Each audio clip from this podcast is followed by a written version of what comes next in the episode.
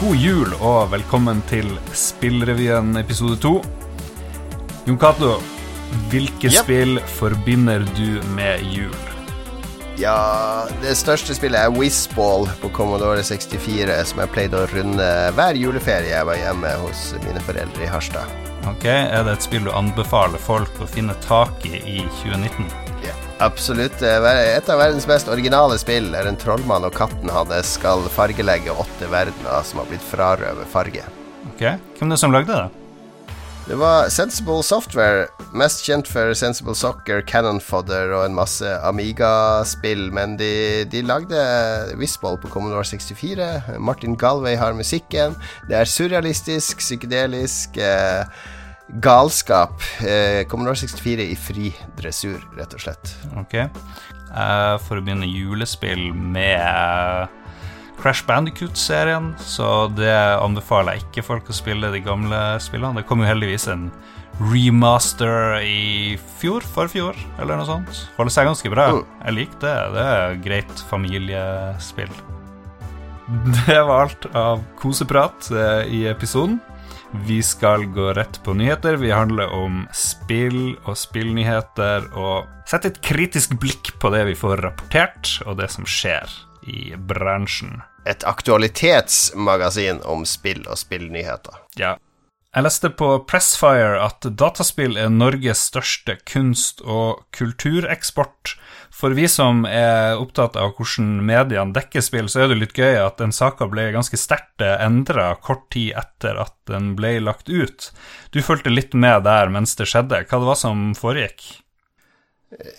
Det, ja, det som skjedde, er jo at Kulturrådet har samla inn masse tall på kul ulike kulturnæringer i Norge. Ikke spill, men musikk, visuell kunst, litteratur, film, scenekunst osv. Og så har de laga ulike grafer på sjangre og demografier, og ikke minst hvor mye norsk kultur innen de ulike grenene eksporteres til utlandet. Og så har Presswire plukka opp disse eksporttallene og så sammenligna med de tallene vi har via norsk spillbransje, som, som er samla inn av Virke.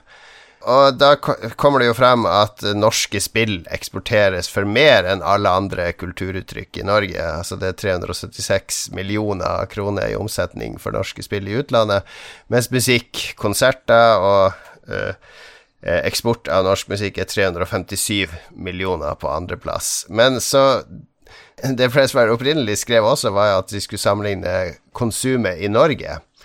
Og der er det jo sånn det selger Jeg husker ikke de tallene helt nå, for de er fjerna fra artikkelen nå, men det var vel seks milliarder kroner i, i omsetning av bøker. Og så hadde de sammenligna det da med kun de norske spillene, mens uh, f.eks. bok, musikktallene i Norge er jo også alle konserter med utenlandske artister som går via norske arrangører, så Rammstein og Ja. Ghost og Metallica, uh, omsetning av billetter og merch osv. på disse konsertene teller inn i disse tallene.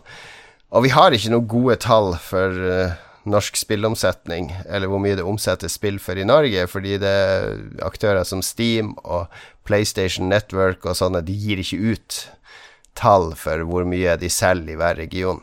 Det. Det er ikke noe offisielle tall tilgjengelig. Ja, Da blir jo den sammenligningen ganske meningsløs, uh, egentlig. Så det er ikke så Ja, rart det, at du de sammenligner fjerna altså det. kun hva, hva norske spillutviklere har tjent i 2018, med hvor mye norske musikk- eller konsertarrangører, plateselskap, eh, scene, konsertscener osv. har omsatt for i samme år, så det blir litt rar sammenligning. Så de, de fjerna den, da, så da er det bare eksporttallene som står igjen. Ja. Men de eksporttallene er jo veldig interessante i seg sjøl. Jeg visste ikke at spill var den største kultureksporten i Norge før denne saken kom. Eh, og så kan vi jo spørre oss hva, hvilke følger bør det få, eller vil det få? Norske spill får vel mye mindre støtte, f.eks., enn eh, filmindustrien? Helt klart. Jeg kan ikke si for scenekunst og visuell kunst, men både film, litteratur og musikk har mye flere støttemidler enn spill har. Det blir veldig spennende å se. Vi vet jo at det er noen spillkulturkjennere på Stortinget osv., men om de sitter i embetsverket og de andre som påvirker det her veldig, det gjenstår vel å se. Min tanke er at de som sitter og jobber med det her, har gjort det lenge.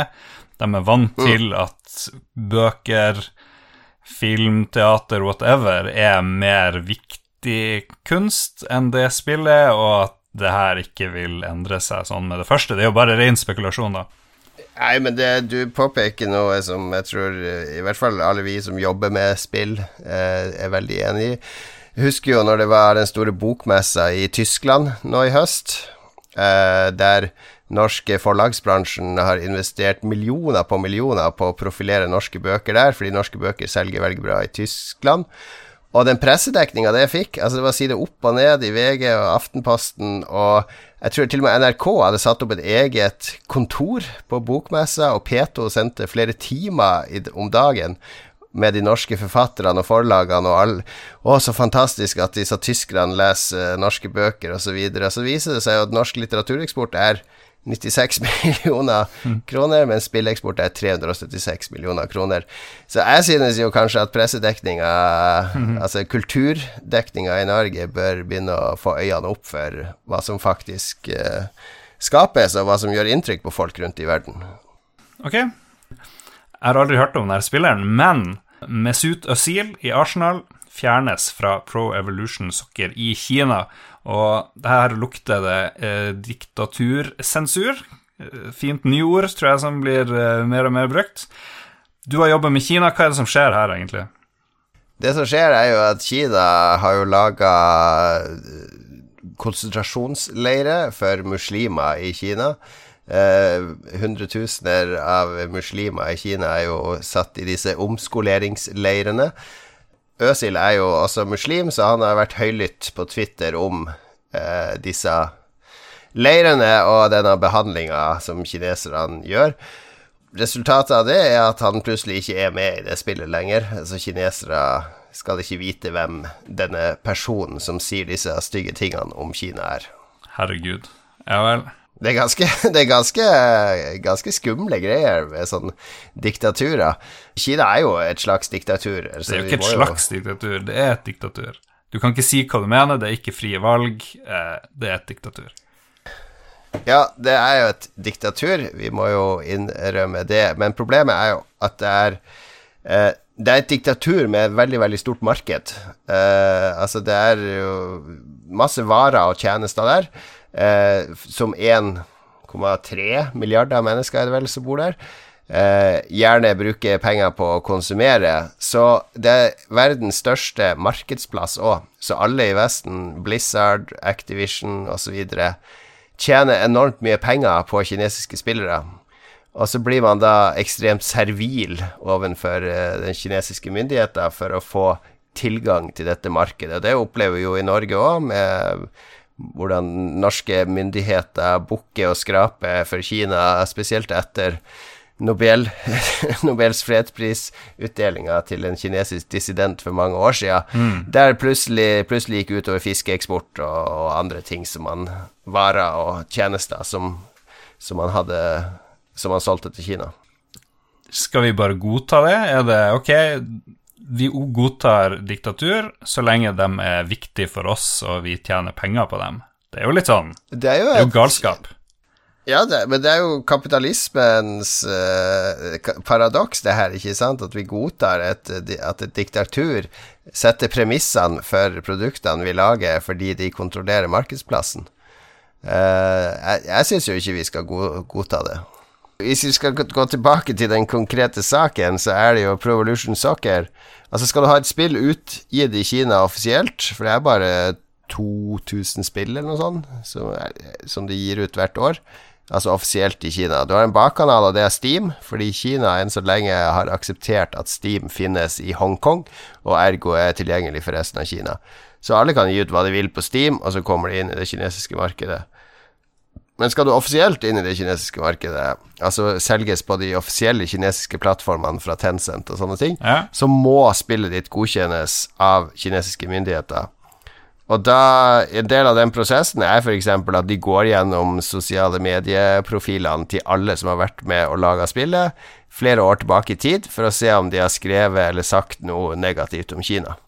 Ja, og Er det her noe ditt selskap Krillbite eh, må gjøre?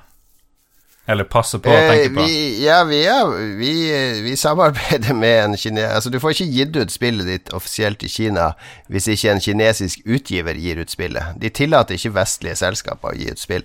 Så uh, Pro Evolution Soccer, som er et spill fra Konami, det er gitt ut og distribuert og eid av NetEase i Kina, som er et stort uh, kinesisk uh, software-selskap. Så det er NetEase som da har tatt denne avgjørelsen om å fjerne Øsil fra spillet. I forrige episode så snakka vi om Microsofts kommende spillemaskin. Den ble presentert som Xbox Series X på Game Awards, som vi dissekerte. Og i etterkant så har en talsperson i Microsoft sagt at maskinen etter hvert kommer bare til å bli kalt Xbox. For vi drev vel og lurte litt på det navnet Xbox Series X. Det er jo ikke noe folk klarer å gidde å si i det hele tatt. Nei. Kommer det til å bli en ny Wii U? Folk skjønte jo ikke at Wii U var en ny maskin engang, i mange tilfeller. Nei, riktig. Og ok, de skal kalle det bare Xbox. Er det, er det en god idé? Den overordna strategien er jo at alt som har med spill å gjøre hos eh, Microsoft, heter Xbox. Så Xbox er jo også spilltjenesten deres på Windows-PC-er, altså i Windows 10-operativsystemet. Der må du liksom starte Xbox for å spille spill, og, og Xbox-abonnementene heter det samme, og osv., osv. Ja.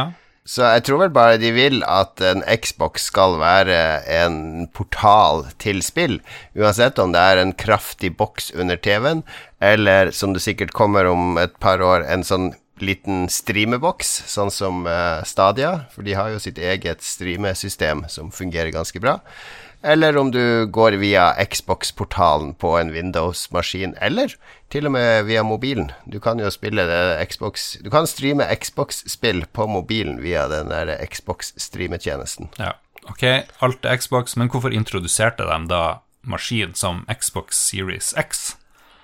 Altså, de må jo differensiere den for de som er uh, gamere, og Game Awards er jo et show for gamere. Så der sier de at her er den nye serien med Xbox-maskiner. That's it. Og så kommer de bare til å referere til dem som Xbox. Altså, spillet er ute på Xbox. Jeg kjenner jeg er litt lei der Xbox Series X allerede. Det er jo et helvete å si det. Ja, det kan forkorte det Xbox 6, er jo noen som gjør på nettet. Det er litt dirty forkortelse, men sånn, sånn blir det. Eurogamer har hatt en sak som jeg har litt sånn blanda følelser til. Har du sett den, Jon Cato?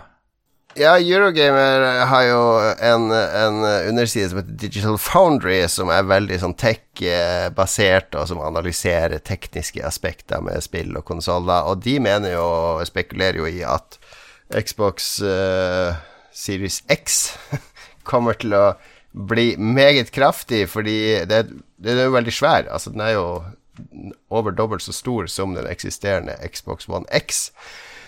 Som betyr, uh, ifølge dem, at det er fordi det kommer til å utvikle mye varme, og du trenger kjølesystemer og sånne ting. Uh, som igjen betyr at den kommer til å bli superkraftig. Men så er det jo andre analytikere påpeker jo at prisene på prosessorer og andre ting er ikke billige nå, så det, det, kan umulig holde den maskinen på 400 euro eller under. Eh, det vil bli en kostbar maskin hvis det skal være så mye kraft som Eurogamer spår. Så eh, spennende, spennende, å følge med på, i hvert fall. Men nå er vi jo rett oppi det eh, som er vanlig spillpressetematikk. Hvor kraftig kommer ting til å bli? Vi vi har ikke noe fakta i det hele tatt, egentlig. Vi har mockups. Vi har et bilde av hvor stor maskinen er, og så spekuleres det i huet og ræva. Eh, ja. Er det galt å lage sånne saker? Er det nyttig? Jeg vet ikke. Eh, det er jo bare en del av den konsollkrigen som alltid har vært, og eh, spekulasjoner Alle som produserer ting, er jo glad hvis fans spekulerer, fordi da holder du liv i det, og du skaper blest om det uten at de trenger å gjøre så mye. For min og din del, vi driter jo i hvor kraftig den er. Altså, vi trenger ikke så mye mer opplesning. Vi trenger bedre bildeflyt, vi trenger bedre funksjonalitet. Vi trenger mm. stabil uh, online-spilling. Så jeg tror ikke det blir noe grafisk kvantesprang, akkurat. Nei. Nei. På den ene sida så hater jeg de her spekulasjonssakene, på den andre sida så elsker jeg det. Jeg liker å lese om gigaflops og terraflop og watt og nanometer, selv om jeg ikke skjønner en drit, ja. egentlig, av hva det betyr. Men jeg liker å lese det, og liker den der tanken på at ja, ja, kanskje er det bra, kanskje er det kult, og det tror jeg er noe som henger igjen fra gamle dager. Det ikke, men det er ikke unikt for spillbransjen heller. Du har jo det samme i bilbransjen. Altså Folk som er opptatt av bil, er jo veldig glad i å se hva de nye bilene kan prestere. Ikke bare fart, men, men alle mulige funksjoner som kommer i biler osv. Uh, så, så det er jo noe som henger med i interessen på et eller annet vis. Men egentlig så overskygger det jo det som er viktig, og det er jo spilleopplevelsene. Så jeg skulle jo ønske Det hadde vært veldig kjedelig hvis i film Altså hvis du var filminteressert, og halvparten av diskusjonene skulle handle om teknologien som brukes til å lage filmene, i stedet for filmopplevelsene. Det, det er et godt poeng. Vi kan gå videre. PlayStation 4-kontrolleren utvides med knapper på baksida. Du kan kjøpe nå, eller bestille nå, en greie som gjør at du får ekstra knapper på din kontroller. Er det her en forsmak på PlayStation 5-kontrolleren? Trenger vi knapper på baksida, og blir kontrolleren for komplisert? Her er det mange kritiske spørsmål vi kan stille. Tror du det her er noe som kommer på PlayStation 5, sånn ut av boksen? Problemet med sånne type tilbehør er jo at du må ha spill som støtter det. Du husker jo på PlayStation 1 så kom det jo f.eks. mus, ble jo lansert sammen med maskin, og så var jo problemet at det var fire eller fem spill som faktisk støtta at du kunne spille med mus. Så da ble det veldig sånn sær peripheral å investere penger i, fordi det var så få spill som støtta det. Så de må jo gjøre en greie med at eh, det blir liksom fornuftig å bruke den, fordi at du kan bruke den de knappene i Destiny f.eks., og masse andre populære spill må jo ta i bruk den devicen. Ja. Føler du behov for flere knapper på kontrolleren din? Ja, jeg har jo en sånn Xbox Pro-kontroller som jeg bruker på PC-en, og den bruker jeg jo f.eks. til bilspill, så har jeg gir på de, de bakknappene. Gire opp og ned. Det føles mye bedre enn å gire opp og ned med tomlene på de forknappene eller på de skulderknappene. Eh, da kan du gire med ringfingrene, f.eks. Så det er absolutt behov for det i mange typer spill, syns jeg. Ja. Nei, jeg syns det er en helt topp idé, og jeg tviler faktisk på at det blir å dukke opp på den her eh, PlayStation 5-kontrolleren. Jeg tror det også blir litt sånn kronglete. Sånn som de har løst det på Xbox Pro-kontrolleren, er jo at de, de er avtagbare. De, de, eh, det er sånne små metallstenger som du putter i på baksida, og så har du fire ekstra knapper plutselig.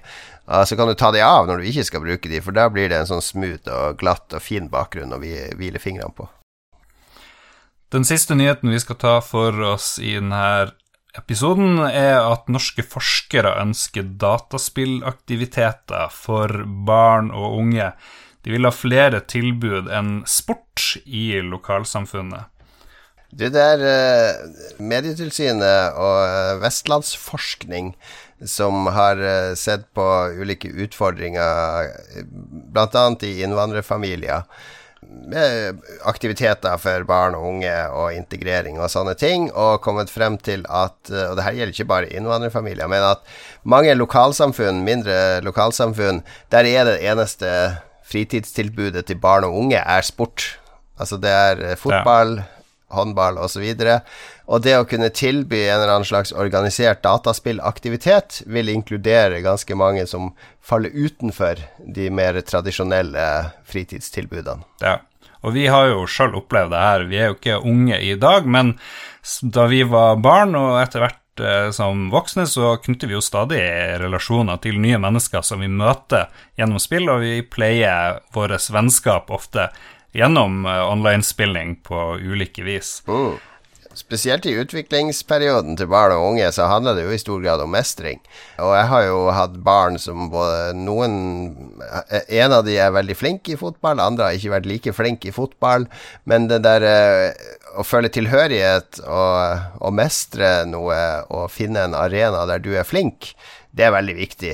Og er du ikke flink i fotball, så faller du utenfor, ikke sant, hvis du bor på en liten bygd der fotballklubben er det eneste møteplassen. Ja. Da kan du heller være stjerne i Rocket League, f.eks. Du kan være dødsgod i Fifa, osv.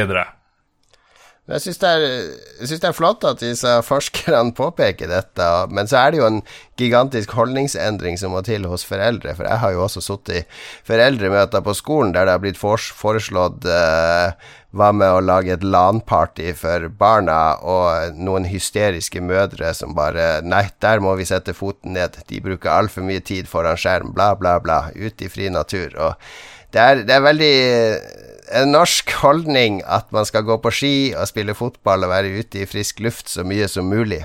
Og jeg er ikke uenig i at det er viktig å gjøre det òg, men uh, vi har en del fordommer knytta til spill fortsatt. Vi ser også hver uke på spillene som har kommet uh, i uka som nettopp har gått. Jeg kan ta det første. Uh, det kanskje mest interessante òg er jo et spill som heter Vattam som har kommet ut til Windows og PlayStation 4.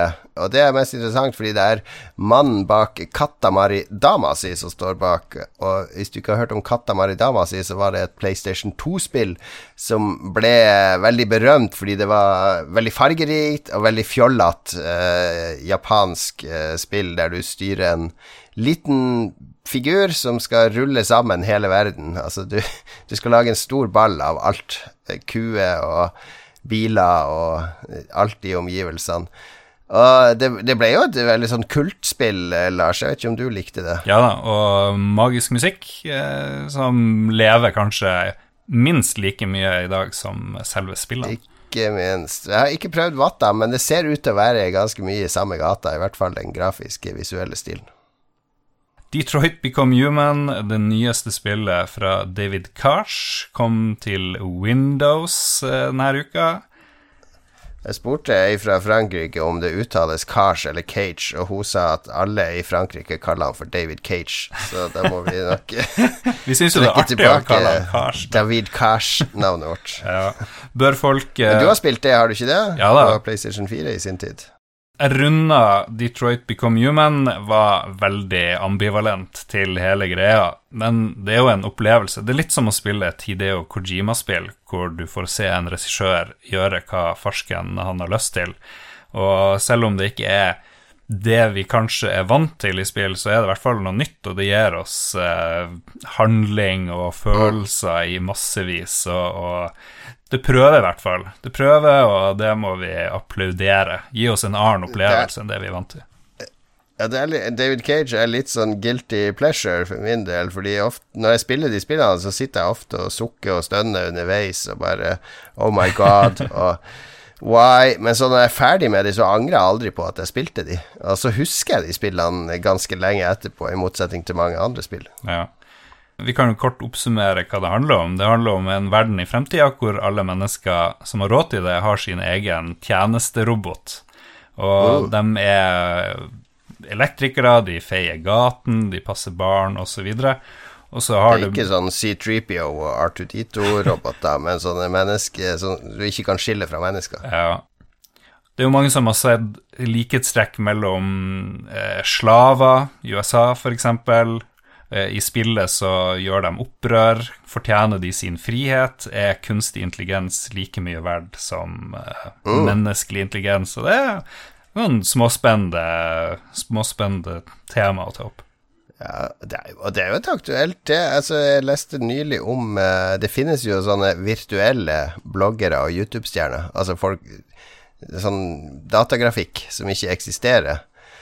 Uh, og der er det en av disse damene hun, det var en, Eller virtuelle damene var jo nylig en videopost fra hun der hun fortalte om når hun hadde blitt uh, utsatt for seksuelt overgrep i en Uber-bil.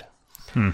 Mange syns det var ganske smakløst at en figur som ikke eksisterer, skulle lage en blogg om å ha opplevd et seksuelt overgrep. Men Nå skjønner jeg ikke, en virtuell, Er det en AI som skriver det her, eller hva, hva? Nei, det er jo et produksjonsselskap som har laga en datafigur. I Japan er jo det her vanlig med sånne virtuelle idoler. Altså det er jo ikke personer som eksisterer, eller personligheter som eksisterer, men man lager en story rundt dem, så at de de er fantasifigurer som du liksom kan late som eksisterer. Spennende. Detroit Become Human foregår jo i fremtida, men vi kan spole tida ganske langt tilbake i neste spill, for det heter Ancestors The Humankind Odyssey. Det er et litt interessant spill, syns jeg, fordi det, tar for seg menneskehetens opprinnelse. Altså når vi begynte å gå på to bein som hårete apekatter og bruke verktøy og kjempe og overleve osv. Og, så og det er litt interessant, fordi det, mannen bak spillet er jo Patrice Desilets. Det var han som var creative director for Assassin's Creed 1 og 2, og flere andre storspill fra Ubisoft i sin tid. Ja. Patrice Desilets, de uttaler det i Frankrike Patrice Desilets, faktisk. Ja, det har jeg jo hørt.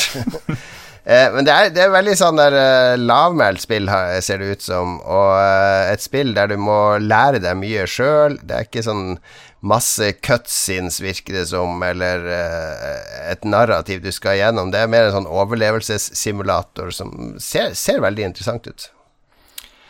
Det var det vi hadde i Spillrevyen episode to.